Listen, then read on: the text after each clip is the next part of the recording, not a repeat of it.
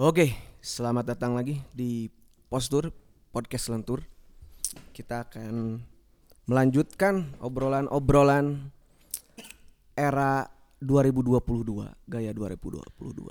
Bertepatan dengan 2022 juga eh, ada yang hal yang ramai juga nih di tanah air.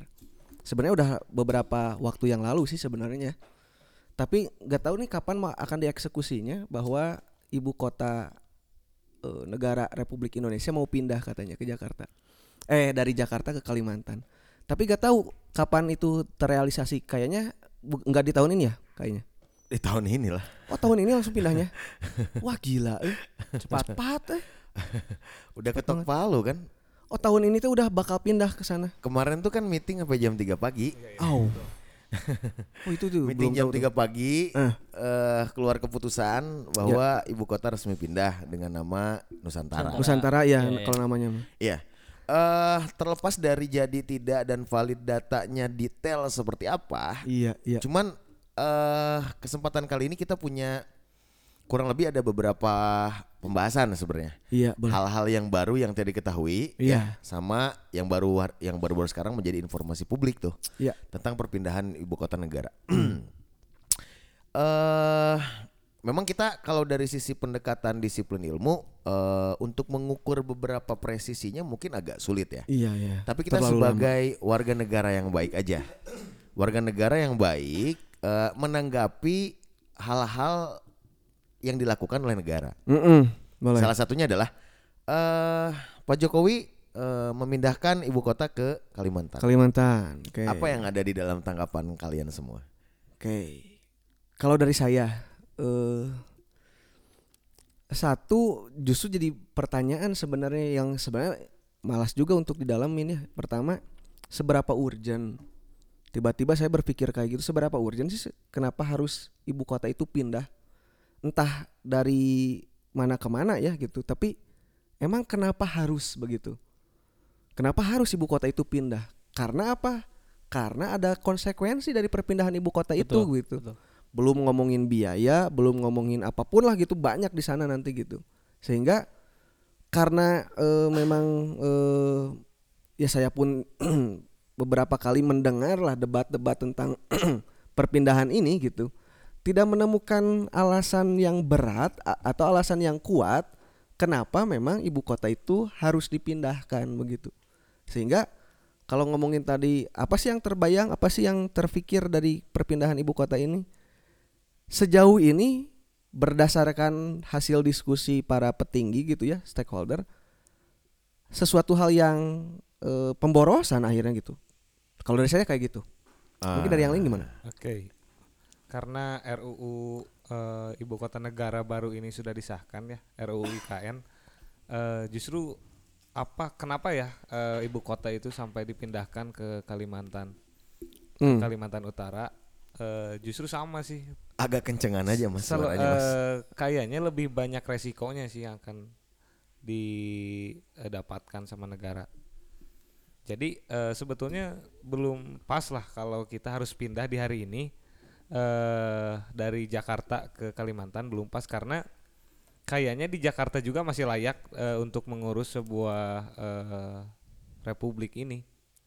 Karena resiko yang akan diambil kayaknya lebih banyak sih penyesuaian, adaptasi dan lain-lain yang akan ditempuh. oke oke coba kayaknya mic-nya kurang Ah, ini. setting dulu bentar aja. oke Mic sip yang dia tuh naikin. Ya, ya, ya, eh, oke. Gimana gimana lu gimana? Kalau aku sih menanggapi eh, akan pindahnya ibu kota gitu ya. Yang pertama tuh sedikit kaget gitu karena Ah. cepet sih. Soalnya eh saya Kalau- ingat kalau nggak salah kapan sih ini mulai ada 2019 2019 Why? akhir. berhenti pembahasan di 2020 pandemi. ah, Iya. Sekarang lanjut. Gila Soalnya ingat banget gitu di 2020 awal itu sempat ada tawaran gitu survei tentang AMDAL dan AMDAS di oh sana. a- ada proyek kamu Iya, sempat ada tawaran. Ini yang meraup dari kebijakan negara. Viva la Surveyor. Cuman nggak nggak diambil. Cuman yang pertama sih yang yang jadi eh, kontras ketika ibu kota pindah itu otomatis eh, ya simbol kekuasaan pun berpindah gitu ya. Mhm. Entah apa alasannya, apakah Jakarta sudah tidak seideal itu kah menjadi ibu kota gitu kan Iya. pasti ada beberapa faktor gitu ya dari ge- eh, geografinya mungkin ya masalah ya iklim macet dan lain sebagainya mungkin ya Mm-mm. tapi ketika eh, ibu kota pindah tuh yang pasti kekuasaan pun akan ada yang entah itu baru entah itu berganti gimmick atau seperti apa gitu ya Mm. karena ketika berbicara berpindah berarti kan membangun inf- infrastruktur yang baru gitu ya Mm-mm. infrastruktur yang lebih apa ya le- lebih berpengaruh tuh sebetulnya infrastruktur kekuasaan apa yang baru tuh. Hmm, oke. tidak hanya sebatas bangunan atau ya jalan tol dan lain sebagainya. Justru yang menjadi masih menjadi pertanyaan tuh itu apakah ini tuh mau merombak kekuasaan hari ini gitu di Jakarta pindah ke Kalimantan tuh membuat tatanan baru lagi kah atau seperti apa gitu? Itu sih yang menggelitik Iya, sedikit. Betul. Jadi kadang eh, pesan yang dikirim dari negara kepada rakyat itu agak sulit dipahami dengan clear. Misal gini, eh satirnya saya melihat bahwa jangan-jangan Pak Jokowi pindah ke Kalimantan Utara Iya. itu karena elektabilitasnya terganggu sama Anies. Di Jakarta, iya iya. Iya, iya. Kalau ka- ka- kalau kita mau ngomongin dari sisi satirnya misalnya. iya, iya. Tapi eh di sisi lain adalah eh kegagapan publik dalam merespon eh RUU IKN ini. Jadi kayak eh undang-undang tentang ibu kota negara udah resmi dirubah, semua fraksi setuju. Nah, jadi sebenarnya gini, pertanyaannya adalah eh kadang secara normatif terjadi ketidak eh eh ketidaknyambungan. Misal gini, eh, undang-undang itu digodok di DPR. DPR mau tidak mau dia menjadi perwakilan rakyat. Nah, secara konteks ilmu pemerintahan, Iya. maka apa yang ya. apa yang diambil di sana dan itu diputuskan, maka itu adalah keputusan bersama. bersama ya Artinya mau tidak mau model demokrasi itu punya tingkat kerentanan dari sisi itu. Iya iya iya. iya. Misal gini, kalau ibu kota pindah ke Kalimantan Utara yang namanya jadi Nusantara dan itu udah ketok palu di DPR, maka secara resmi dianggap seluruh masyarakat setuju, Bos. Sepakat. Ya. Makanya aing kadang berpikir dengan model eh, dengan model sistem pemerintahan yang ada di Republik Indonesia dengan presidensial model trias politika Hmm. eh, dengan pendekatan politik praktis yang ada eh aing jadi melihat gini. Memang manusia, sorry, memang rakyat dia nggak boleh apolitis berarti. Betul. Kalau mempertahankan model ini, jadi agak aneh sebenarnya gini nantinya ya. Aing agak aneh kalau ada opos, eh, sorry, eh, suara-suara tokoh publik yang tidak setuju, ya, yang tidak setuju, tapi dia tidak berpartai Ah, Oke. Oke. dan mendudukan sebagai oposisi. Sisi, oke. Ya. Nah, memang di sinilah beberapa kerentanan dari model pemerintahan demokrasi. Iya, Kan yang jadi pertanyaan adalah lebih parah lagi jika perwakilan praksinya setuju, tapi anggota partainya tidak, Tidak setuju. Iya. Yang Iya, dia iya. bukan menjadi dia nggak dapat kue kursi DPR. Iya. Nah, kan ini akhirnya membingungkan, membingungkan. Jadi keresahan-keresahan yang ada di teman-teman, di kawan-kawan semuanya, Aing juga merasakan itu. Iya iya. Tapi iya. kan masalahnya melek politiknya sejauh mana? Hmm. Jadi kayak Oke. sejauh mana memang pengaruh protes yang ada di masyarakat dengan apa yang tetap akan dijalankan oleh negara. Iya iya iya. iya. Jadi fenomena itu yang harus menjadi eh, pesan moral bagi kita, pesan Hmm. intelektual bagi kita bahwa kita nggak bisa diem aja. Iya. Kita iya, nggak iya, bisa iya. sibuk dengan urusan kita aja. Betul. Kamu mau se- sekritis apa pun, kalau modelnya seperti yang sekarang, ya kamu nggak akan dianggap. Ya, jadi mereka menganggap kita sepakat Betul, akhirnya karena gitu. Ya, karena perwakilan rakyat sudah ada di DPR. Iya iya Kan iya, seperti iya. itu. Betul Nah, betul betul. Itu itu itu uh, overview-nya sebenarnya. Hmm. Latar belakang melihat model pemerintahan yang ada. Iya. Nah, dalam konteks perpindahan negara, Ibu kota. eh, da- dalam proses perpindahan ibu kota negara, nah yang menarik sih di sini.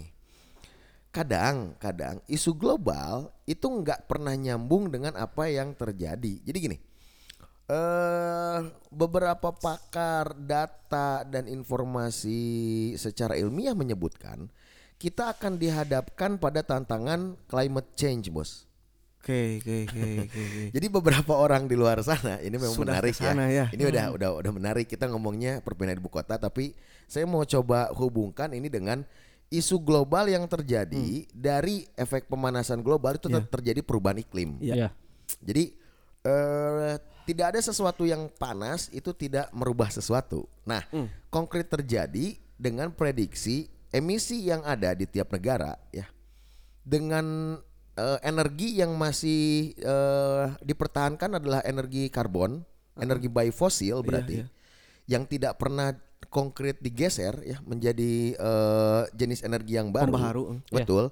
Yang nantinya kan akan berbicara polusi ya. Kenapa hari ini menjadi lebih panas dari hari-hari biasanya selain dari kebijakan yang ada keluar ya. Tapi itu karena faktor climate change, Bos.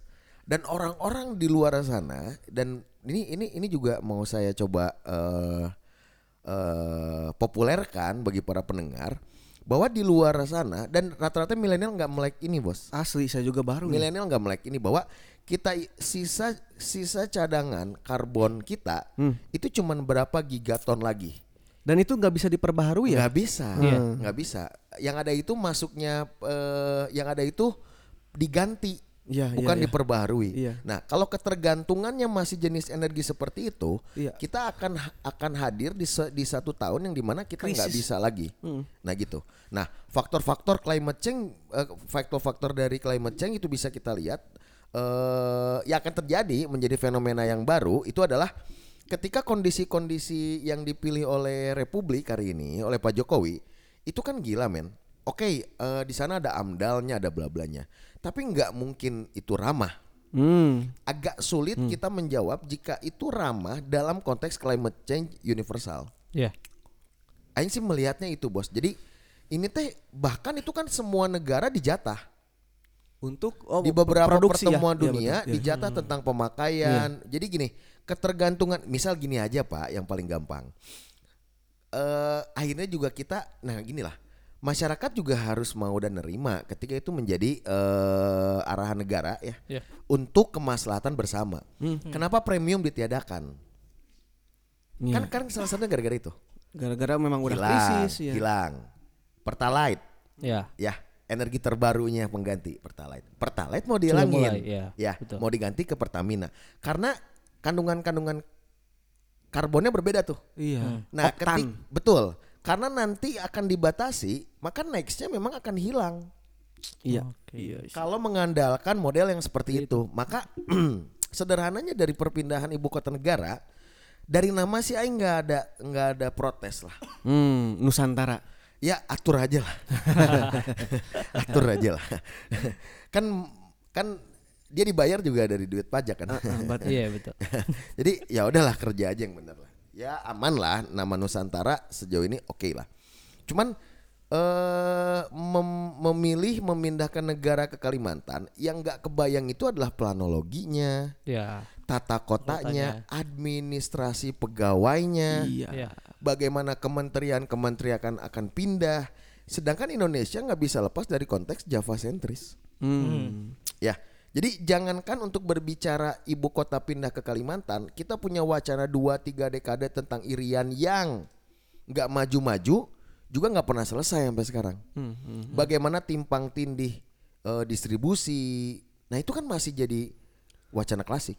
Problem memang sih. Betul, betul, betul. Jadi eh wacana pertama ini adalah ya fenomena perpindahan negara. Ya, terus ada lagi hal yang menarik ya dari eh, perpindahan ibu kota ke Kalimantan. Ternyata bahkan yang menyatakannya itu adalah eh, menteri gitu, sekelas menteri. Apa tuh yang menarik? Bahwa ada order dalam tanda petik ya, ada order dari pihak asing Siapa? terkait pembangunan di kan, eh, apa kantor berarti SpaceX, Oke. Elon Musk dan kawan-kawan. Waduh. Jadi Elon Musk ini meminta ini pernyataan dari keluar dari menteri gitu, dari Menteri Perencanaan Pembangunan. Bapak Suharso Muarfa Muno Monoarfa. Dia itu menyatakan bahwa SpaceX meminta di eh, ibu kota yang akan dirancanakan itu di kota ibu kota yang baru itu harus ada landasan pesawat terbang yang di mana pesawat landasan pesawat terbang ini beda dengan pesawat komersil yang ada gitu. Kayak Ah. Susi Air gitu ya. Kayak Lion Air bukan itu yang dimaksud gitu, landasan yang dimaksud gitu. Ya landasan yang diminta, tapi pesawat terbang dengan kecepatan yang luar biasa gitu. Sehingga nanti eh, dengan kalau itu udah ada jarak tempuh antara Indonesia dengan Amerika itu cukup dua jam katanya. Hmm. Di mana Gila. kecepatan itu. Nah, yang Gila, gila, menariknya ini tuh ya kenapa gitu sampai kayak gitu juga gitu.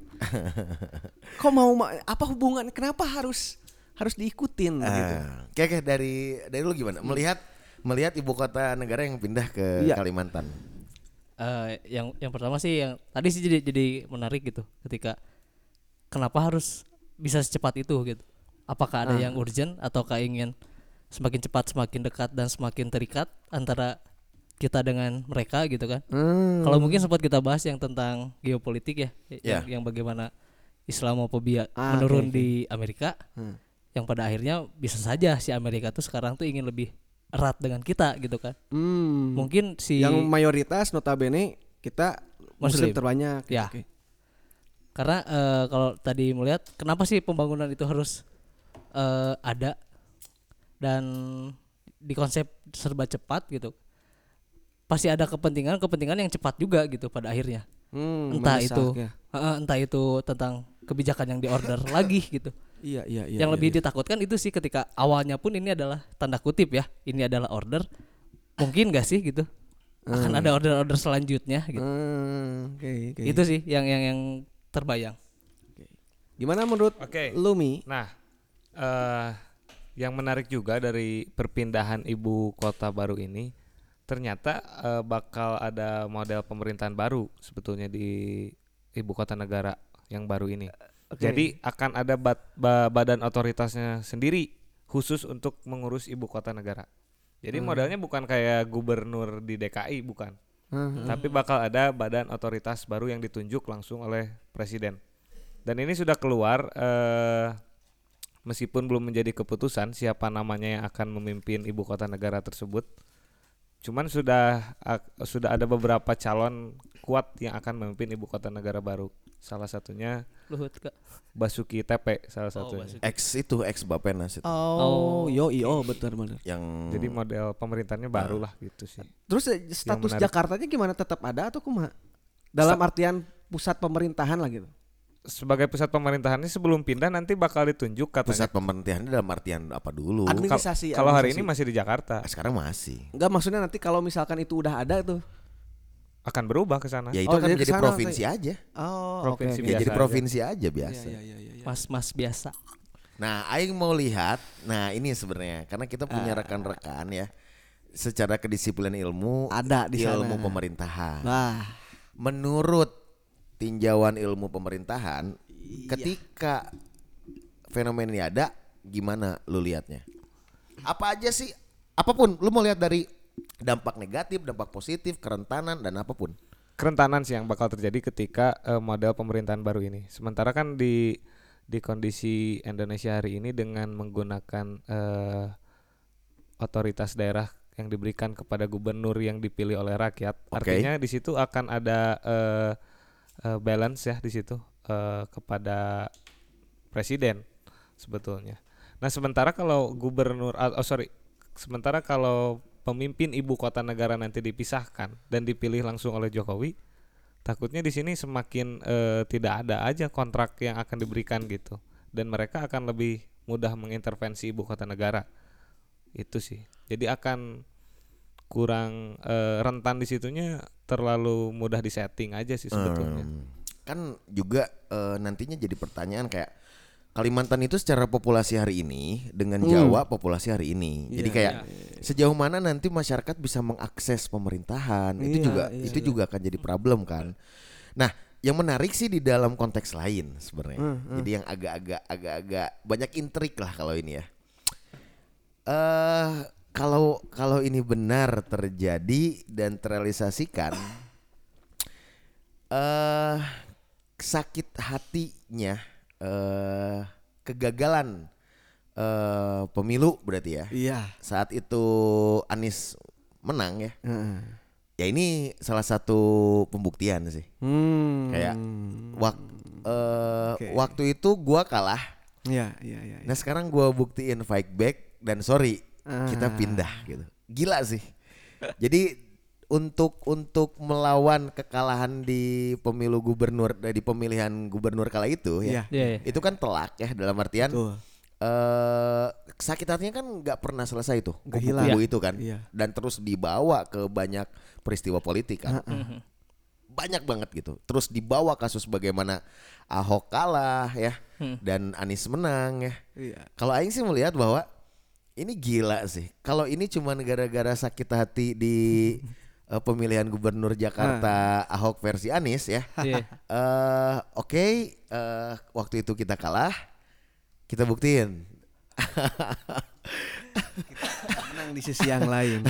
dan dan dan itu lebih gila sih bagaimana eh, otoritas negara bisa seperti itu sih Hmm. itu tentang perpindahan ibu kota negara ya Tapi Eh, ada gak sih contoh? Justru pengen pengen enggak tahu eh belum belum belum belum dapat referensinya kalau kalau kalau secara perpindahan banyak Oh, ada negara-negara yang cuman lain kan juga gitu. banyak cuman cuman permasalahannya eh tunggu ya banyak tapi prosesnya tidak semudah Ah, kita. Oke, oke, oke, oke, oke. wacananya itu bisa wacana puluhan tahun bos Hmm, jadi bagaimana oke. analisisnya komplit dan itu melibatkan masyarakat konkret Iya, iya, gitu iya, iya, elemennya terjadi Iya, nah eh yang yang yang menarik sih adalah eh kan akses agak menjadi sulit kan berarti? Sulit tuh jauh bener. susah kan? Nah ini kan jadi pertanyaan sih. Apakah ada kekhawatiran? betul, Betul, betul. ada. Nah tapi yang agak menyedihkan ini dan ini juga me- menarik emosi aing sih. Jadi kayak gini eh narasi berkembang nih ya di banyak media sosial hari ini.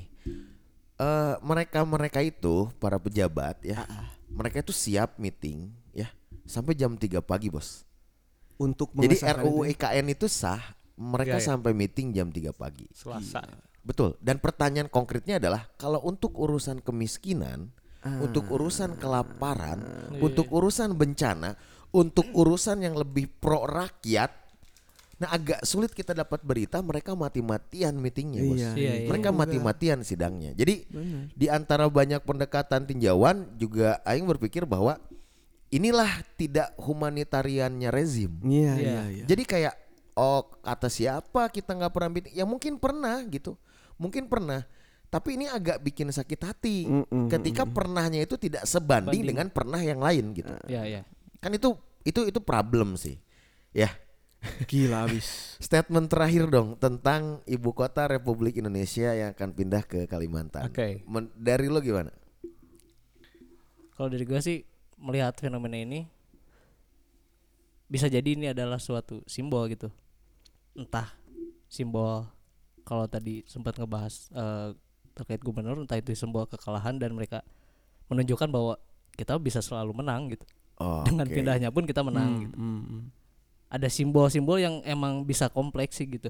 Iya, iya. Cuman mungkin lah di pertemuan selanjutnya kita lebih dalam. Gila. Sadis. Kamu Oke. yang agak panjang dong. Jadi secara guys, eh, secara alumni ilmu pemerintahan. Wah. Ilmu politik, ilmu politik doi. Oh, ilmu politik ya. Eh, jadi kalau ngelihat dari eh, hal lain, kenapa sampai pindah ibu kota negara dan nanti semua lembaga juga akan di sana, lembaga nasional. Kemarin aja banyak demo-demo yang terjadi ke- di Jakarta aja banyak yang gak di ACC kan sebetulnya. Boleh nih. Nah takutnya boleh. semakin sulit gitu eh, mahasiswa atau masyarakat yang akan mendemo eh, kebijakan pemerintah atau dari DPR ketika kebijakannya itu turun di Kalimantan sih. Hmm, Bagaimana eh, orang-orang Jawa yang jumlah demo- mayoritas eh, ya. jumlah mayoritas mahasiswanya itu banyak yang ingin mendemo dan mengkritik eh, pemerintah semakin sulit untuk mengkritik pemerintah. Apalagi kan Pak Jokowi gak terlalu aktif ya di medsos. Hanya feednya aja gitu. DM DM jarang dibalas. Jadi Pernah nge-DM sulit ya? pernah nge DM Hmm. jadi ya semakin sulit aja sih. Artinya Hmm, mereka eh, cenderung eh, menut semakin menutup suara ma- mahasiswa aja Mem- sih. memperlihatkan arogansi nah itu. rezim ya. itu sih Ya kalau dari saya sih eh, semakin menunjukkan begini ya, eh, semakin menunjukkan bahwa pemerintahan itu, pemerintah itu patut dicurigai gitu, karena banyak agenda-agenda eh, Terselubung, terselubung gitu, hidden. hidden agenda gitu, makin makin menunjukkan bahwa atau sebenarnya mereka tuh ingin di- dicurigai justru gitu ya, ingin memancing Sengaja ya, gitu, sengaja. Ya. sengaja kayak meng- ya kayak sengaja aja gitu. Ya dengan dengan contohnya tadi ya perpindahan yang terlalu dianggap terlalu cepat gitu secara kurun waktu gitu. Dan reason-reason eh, alasan perpindahan yang tidak substansial gitu tidak kuat gitu semakin menaruh rasa curiga rakyat kepada pemerintah itu sendiri gitu. Jadi kalau ada yang tidak curiga justru aneh, Aneh. justru gitu justru aneh gitu padahal dari sisi pemerintah menunjukkan gejala-gejala yang ingin dicurigai begitu dari saya sih kayak gitu Dari saya terakhir. saya pendekatan logika terbalik aja kalau di akhir ya. Ah. Eh ibu kota negara pindah ke Kalimantan, nggak apa-apa. Ah, Saya akan maknai dalam konteks logika terbalik adalah jika terjadi revolusi. Oke Nah ini agak serem sebenarnya. Kalau kita melihat pendekatan eh, anatomi revolusi, ya eh kalau benar-benar itu terjadi ya, Mm-mm. maka Kalimantan akan dianggap wilayah isolir aja. Hmm. Jadi eh j- jadi gini-gini. Eh jika ada yang berpikir bahwa eh, antek eh, negara dan antek-anteknya hari ini brengsek, jika ada, Mm-mm. ya udah diam di Kalimantan aja. tempat healingnya pemerintah Healing aja, Pak. Ah, jadi eh, dan nanti jika terjadi revolusi, ya berarti cuman Kalimantan aja berarti. memang itu menarik juga tuh menarik tuh itu Tapi ini kan kita cuma ngobrol, kita Iya. nggak ada unsur provokasi, kita disclaimer iya, itu semua. iya, kita tetap taat NKRI harga mati. iya Iya. minimal prokes lah kita taat Iya gitu ya. Tadi kan ada ada wacana tuh ya tentang apa tuh yang menarik? yang mana Yang satu lagi yang mau dibahas di sesi ini ya tentang nanti yang dimasukin apa? dimasukin apa Ke kurikulum eh. Oh iya ya, ya Apa, salah apa? satu Apa salah sebutin? satunya ini udah keluar bahwa akan ada pelajaran baru gitu. Mata pelajaran baru di siswa yaitu kan kalau dulu mah kita kenal itu sebagai PPKN ya. Iya PPKN atau P4 kan? Eh, P3 ya? Beda beda sebenarnya. PMP, PPKN kan? Heeh. Heeh.